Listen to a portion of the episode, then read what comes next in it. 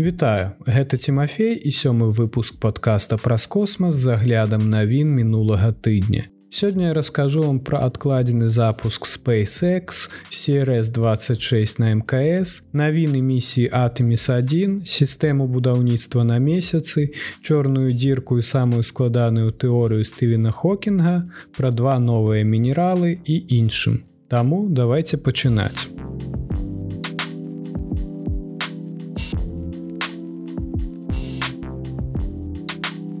SpaceX зноў адклала запуск японскага пасадачнага модуля на месяц з-за праблем з ракетай.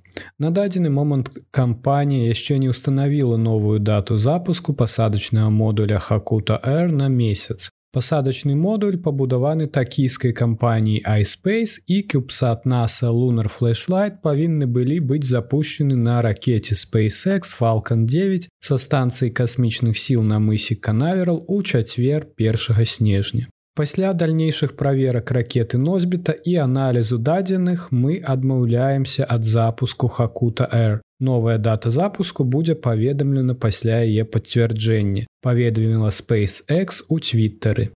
Гэта ўжо не першая затрымка місіі, яна павінна была пачацца раніцай у сераду 30 лістапада, але SpaceX адклала ўсё на адзін дзень, каб забяспечыць дадатковыя прадпалётныя праверкі.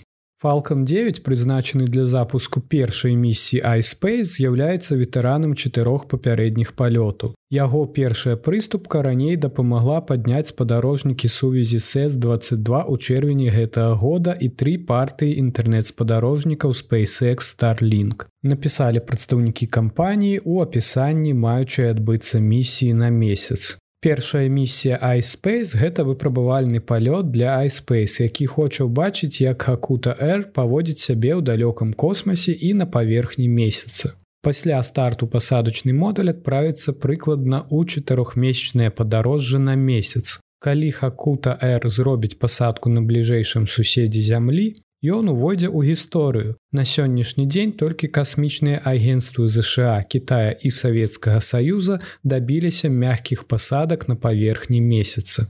Паспяховая пасадка таксама дазволіць аб'яднаным арабскім эміратам увайсці ў сваю ўласную гісторыю, першы ў краіне месяцаход 10кілаграмовы робот па імені рашыт адправіцца з хакута r і будзе вывучаць наваколле месяца на працягу прыкладна 14 зямных дзён калі ўсё пойдзе па плане. Наса таксама зацікаўлена ў маючым адбыцца палёце Лунар Флэшлайт агенцтва памерам з портфель прызначаны для пошуку вадзянога лёду паблізу паўднёвага полюса месяцы, дзе NASAа плануе пабудаваць месяцовую базу ў рамках сваёй праграмы Атэміс. Каб нічога не прапусціць, вы можете сачыць за актуальным раскладам усіх запускаў на сайце spaceflightnow.com. Спасылка будзе ў апісанні.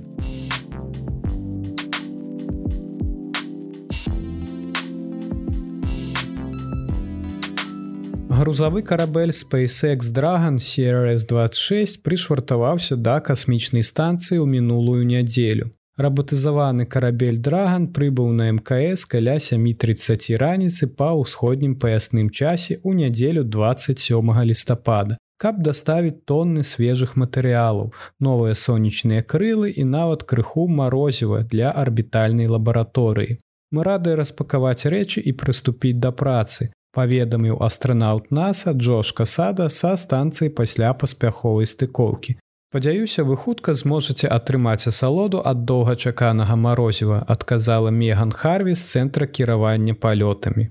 Драган быў упакаваны прыкладна трымя з паловымі тысячамі кілаграмам груза. Груз уключае ў сябе дзве новыя сонечныя батареі, якія разгортваюцца і прызначаны яны для павелічэння існуючых сонечных крылаў арбітальнай лабараторыі. У канчатковым выніку на мкс будзе ўсталёвана 6 такіх сонечных батарей. Яны разам павялічаць энергазабеспячэнне станцыі на 20-30соткаў. На сённяшні дзень астранаўты, якія выходзілі ў адкрыты космас, ужо усталявалі толькі дастаўленыя панелі. Па словах прадстаўнікоў NASAа грузавыя драганы звычайна застаюцца прыстыкаванымі да мкс каля месяца. Але CRS26 будзе заставацца ў паветры на працягу 45 дзён ці каля таго. Дадатковы час быў выдзелены часткова для выхаду ў адкрыты космас, неабходнага для установкі сонечных батарэяў. Бягучая місія драга называецца CRS-26. Таму што гэта 26 рабатызаваны грузавы палёт, які SpaceX выконвае на МКС для NASA. Сірс 26 павінен быў стартаваць у аўторак 22 лістапада, але яго адклалі з-за дрэннага надвор'я. Місія завершыцца прывадненнем у акеане з дапамогай парашута. Драгон адзіны ў цяперашні час дзейсны грузавы карабель, які вяртаецца на зямлю ў цэласці і захаванасці пасля выканання сваіх місій. Два іншых дзеячах грузавых карабля сігну з кампаній Нартроп Груман і расійскі прагрэс прызначаны для таго, каб згарэць у атмасферы зямлі, калі час іх знаходжання на арбіце сканчаецца.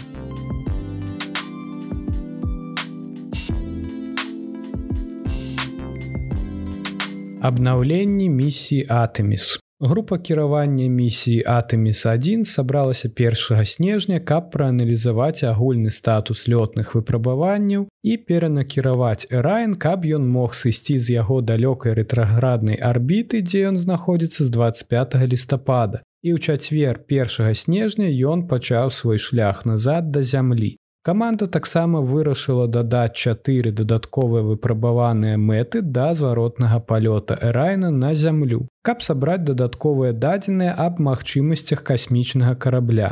Два з іх будуць ацэньваць, ці ўплывае адкрыццё і зачыненне клапану вузла рэгулявання ціску на павольную хуткасць уцечкі ў гэтай сістэме. Трэцяе прадэманструе здольнасць Эрайна выконваць манёўры з хуткасцю, якая будзе неабходна для выпрабаванняў на Атэміс2. А чацвёрты праверыць яго здольнасць лятаць у рэжыме кіравання арыентацыі з трымя ступенямі свабоды. У адрозненні ад рэжыму з шасцю ступенямі свабоды, у якім ён звычайна лётае. Нагадаю, Эрайн павінен прывадніцца ў ціхім акеане 11 снежня. У наступнай місіі Атэміс2 чатыры астранаўта на Ірайні абляцяць месяц і прыляцяць некалькі тысяч міль над зваротным бокам месяца, перш чым вярнуцца на зямлю. А ўжо на Атэміс3 першай місіі Атэміс на месяцовую паверхню Эрайн адправіцца на амаль прамалінейную галаарбіту. Арбіту збалансаваную паміж гравітацыяй зямлі і месяца, якая звісае з месяца амаль як каралі. Арбіта забяспечвае доступ да паўднёвага полюса месяца, дзе былі вызначаны 13 магчымых месцаў пасадкі для будучых місій Атэміс.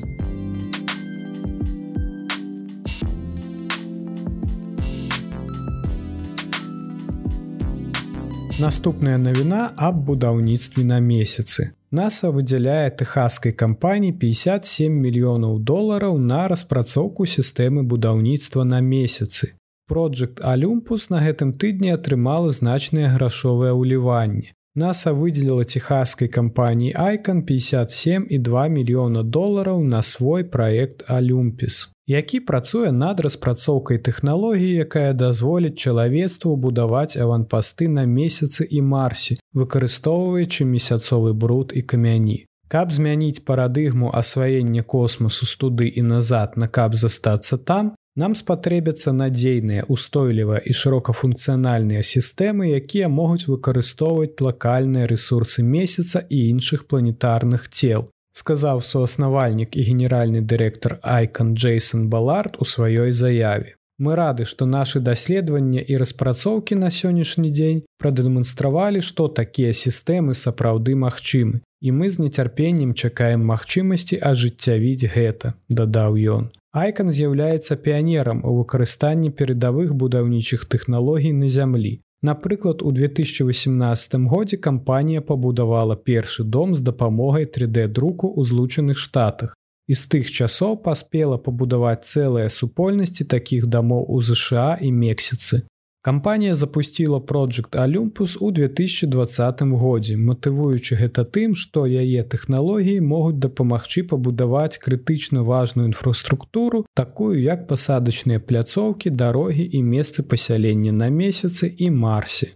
Айкан ужо стварыў свайго роду прататып. Змадэляваныя на 3D прынтары месца пражывання на чырвонай планеце пад назвай Марс Джун Альфа, якое NASA будзе выкарыстоўваць для падрыхтоўкі астранаўтаў да працяглых палётаў. Нядаўна абвешчаны кантракт з NASAа заключаны ў рамках даследчай праграмы агенства па інавацыях у малым бізнесе дапаможа кампаніі ўдасканаліць свае тэхналогіі і працэдуры. Айкан плануе выкарыстоўваць грошы, каб даведацца, як месяцовы грунт паводзіць сябе ва ўмовах месячнай гравітацыі, выкарыстоўваючы змадэляваныя і рэальныя ўзоры, дастаўленыя місіямі Апалон, заявілі прадстаўнікі кампаніі. Кампанія таксама праверыць сваё апаратнае і праграмнае забеспячэнне падчас касмічнай місіі, якая імітуе месяцовую гравітацыю. Апошнім вынікам гэтага кантракта стане першае будаўніцтва чалавецтвам іншага свету, і гэта будзе асаблівым дасягненнем, гаварыцца ў заяве кампаніі. Цікавасць NASAа да гэтай сістэмы будаўніцтва на месцы не дзіўная. У рамках сваёй праграмы атаміс касмічнае агенцтва працуе над забеспячэннем устойлівай і доўгатэрміновай прысутнасці чалавека на месяцы і вакол яго да канца 2020х гадоў. Каб даследаваць іншыя светы, нам патрэбныя інавацыйна новыя тэхналогіі, адаптаваныя да гэтых асяроддзяў і нашым даследчым патрэбам, сказаў у той жа заяве Нікі Фаркхайзер, дырэктар па развіцці тэхналогій ва ўпраўленні касмічных тэхналогій NASAа. Прасоўванне гэтай распрацоўкі разам з нашымі камерцыйнымі партнёрамі створыць магчымасці, неабходныя для будучых місій, дадаў ён.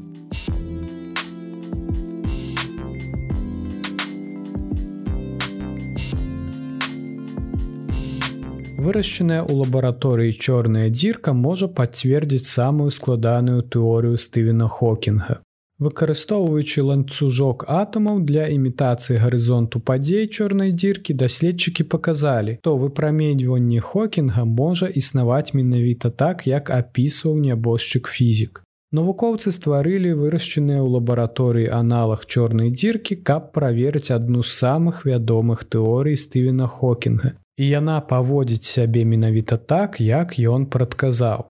Эксперымент, створаны з выкарыстаннем аднарадковага ланцужка атамаў для імітацыі гарызонту падзей чорнай дзіркі, дадаў дадатковыя доказы тэорыі Хокінга аб тым, што чорныя дзіркі павінны выпраменьваць слабае свячэнне ад віртуальных часціц, якія выпадковым чынам узніклі з блізку іх меж. Фізікам цікава прадказанне Хокінга таму, што яно зроблена на стыку двух вялікіх, але ў цяперашні час непрымірымых фізічных тэорый. Агульнай тэорыі адноснасці Эйнштейна, якая апісвае свет вялікіх аб'ектаў, і квантавай механікі, якая падрабязна апісвае дзіўныя паводзіны найменшых часціц. Але прамое выяўленне гіпатэтычнага свячэння гэта тое, чаго астрафізікі наўрад ці калі-небудзь даб'юцца. Па-першае, існуюць сур'ёзныя праблемы, якія ўзнікаюць пры падарожжы да чорнай дзіркі, бліжэйшай з вядомых, якая знаходзіцца на адлегласці 1566 светлавых гадоў ад зямлі.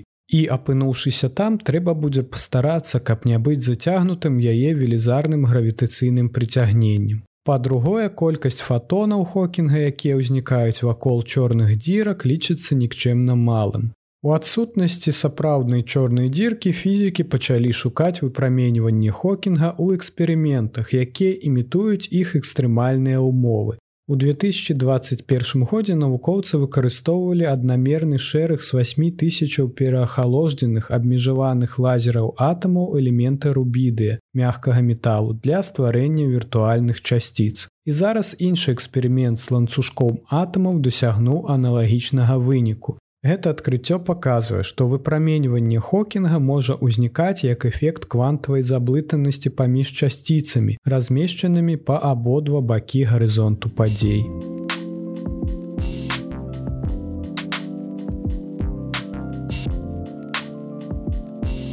У метэарыце знайшлі два мінералы, якія раней не бачылі на зямлі. Мінералы былі выяўлены ўнутры кавалка метэарыта Эль-Алі масіўным метэарыце ў самалі былі знойдзены два мінералы, якія ніколі раней не сустракаліся на зямлі. Яны могуць даць ключ да разумення таго, як фармуюцца астэроіды.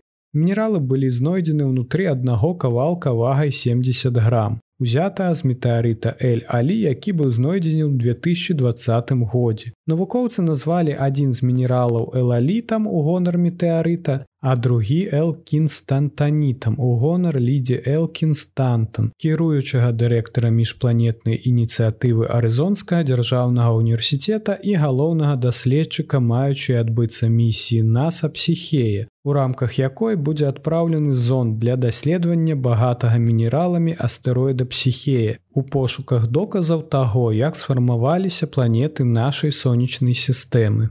Даследчыкі плануюць прадоўжыць вывучэнне метэарытаў, каб зразумець умовы, пры якіх утварыўся бацькоўскі метэарыт Эль-Алі. Каманда таксама вывучае магчымасці прымянення мінералаў у навуцы. Аднак будучыя навуковыя адкрыцці метэарыта Эль-Алі могуць аказацца пад пагрозай. Цяпер метэарыт перавезены ў Кітай у пошуках патэнцыйнага пакупніка, што можа абмежаваць доступ даследчыкаў да касмічнага каменя для правядзення даследаванняў.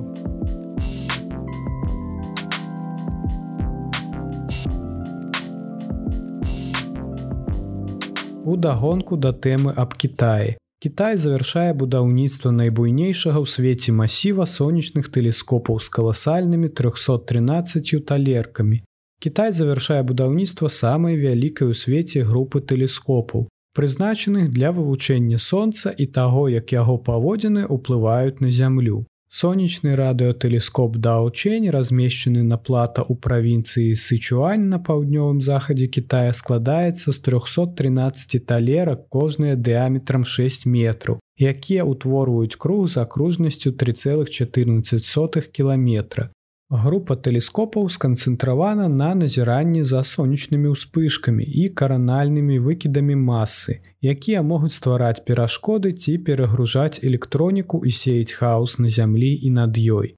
Выкіды на сонцы выкліканы перабудовамі магнітнага поля зоркі, якія адбываюцца ў сонечных плямах і калі яны накіраваны на зямлю могуць пагражаць энергасістэмам тэлекамунікацыям арбітальным спадарожнікам і нават ставіць пад пагрозу бяспекі астранаўтаў на борце мкс нядаўна пабудаванай кітайскай касмічнай станцыі цянь гунь мы можемм прадказаць ці прарвецца сонечная бура да зямлі сказаў намеснік галоўнага канструктара праекта вулінь Калі яна прорвецца да зямлі і дасягне нас, мы зможам выдаць папярэджанне аб такой сонечнай буры. Сонечныя тэлескопы пачнуць пілотную эксплуатацыю ў чэрвені 2023 года пасля завяршэння наладкі і сумесных выпрабаванняў. Гэта ўсяго толькі адзін з шэрагаў новых праектаў па назіранні за сонцам, якія здзяйсняюцца па ўсім свеце.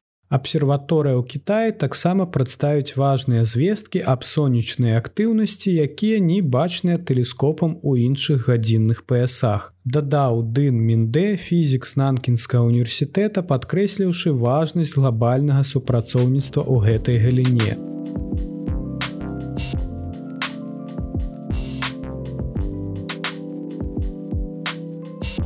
І гэта ўсе навіны, пра якія я хацеў расказаць вам у выпуску. Цяпер да падзеяў, якія нас чакаюць.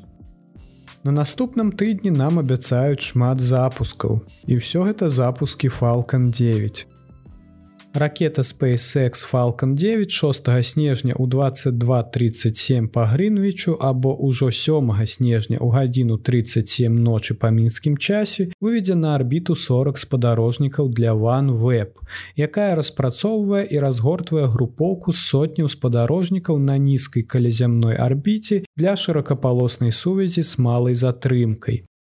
Гэта будзе першы запуск спадарожнікаў OneWeb сумесна са SpaceX. Ракета носьбіт першай прыступкі Falалcon 9 вернецца ў зону пасадкі адзін на станцыі касмічных сіл на мысе канавераў.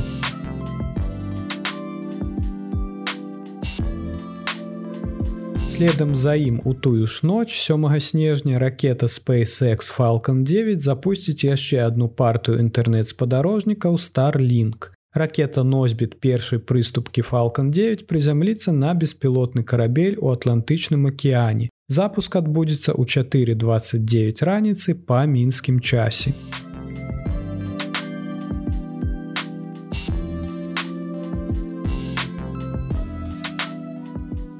На працягу наступнага тыдня таксама чакаецца запуск ракеты Falалcon 9 з камерцыйным месяцовым пасадачным модулем Хакута Air для iSpace. Пра гэту місію я ўжо расказваў вам у сённяшнім выпуску. Але на дадзены момант час і дата пакуль невядомыя. Калі вы хочаце ўбачыць запуск, то калі ласка праверце час і дзень на сайце Space Flight Now ці на сайце SpaceX.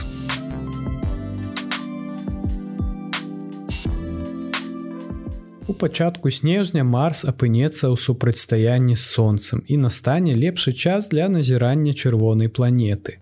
Марс дасягне супрацьстаяння 8 снежня раніцай 8:35 па мінскім часе. У гэты момант Марс зямля і сонца ўтвараюць практычна прамую лінію. Пры гэтым Марс і сонца будуць знаходзіцца на супрацьлеглых баках ад зямлі. У гэты час Марс будзе поўнасцю асветлены сонцам і дасягне максімальнай яркасці ў 2022 годзе. Чырвоная планета будзе ззяць зорнай велічынёй 1,9 ярчэй за ўсіх зорак на небе.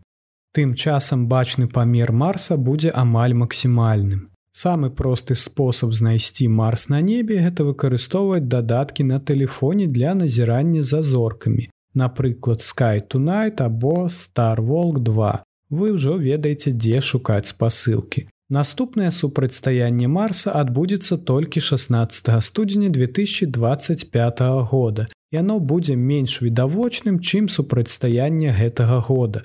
Чырвоная планета будзе знаходзіцца далей ад зямлі і на небе яна будзе выглядаць крыху цямней. Зорная велічыня будзе 1 і 4 супрацьстаянне марса даволі рэдкая з'ява і оно здараецца прыкладна раз у два гады, так што не прапусціце яго. Вы можете пачаць назіраць Марс ужо сёння, не чакаючы супрацьстаяння.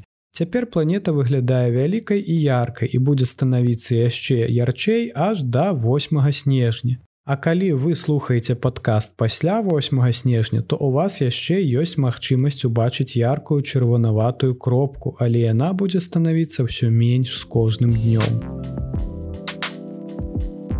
Вялікі дзякуй, што даслухалі да канца, да пабачэння пачуемся на наступным тыдні.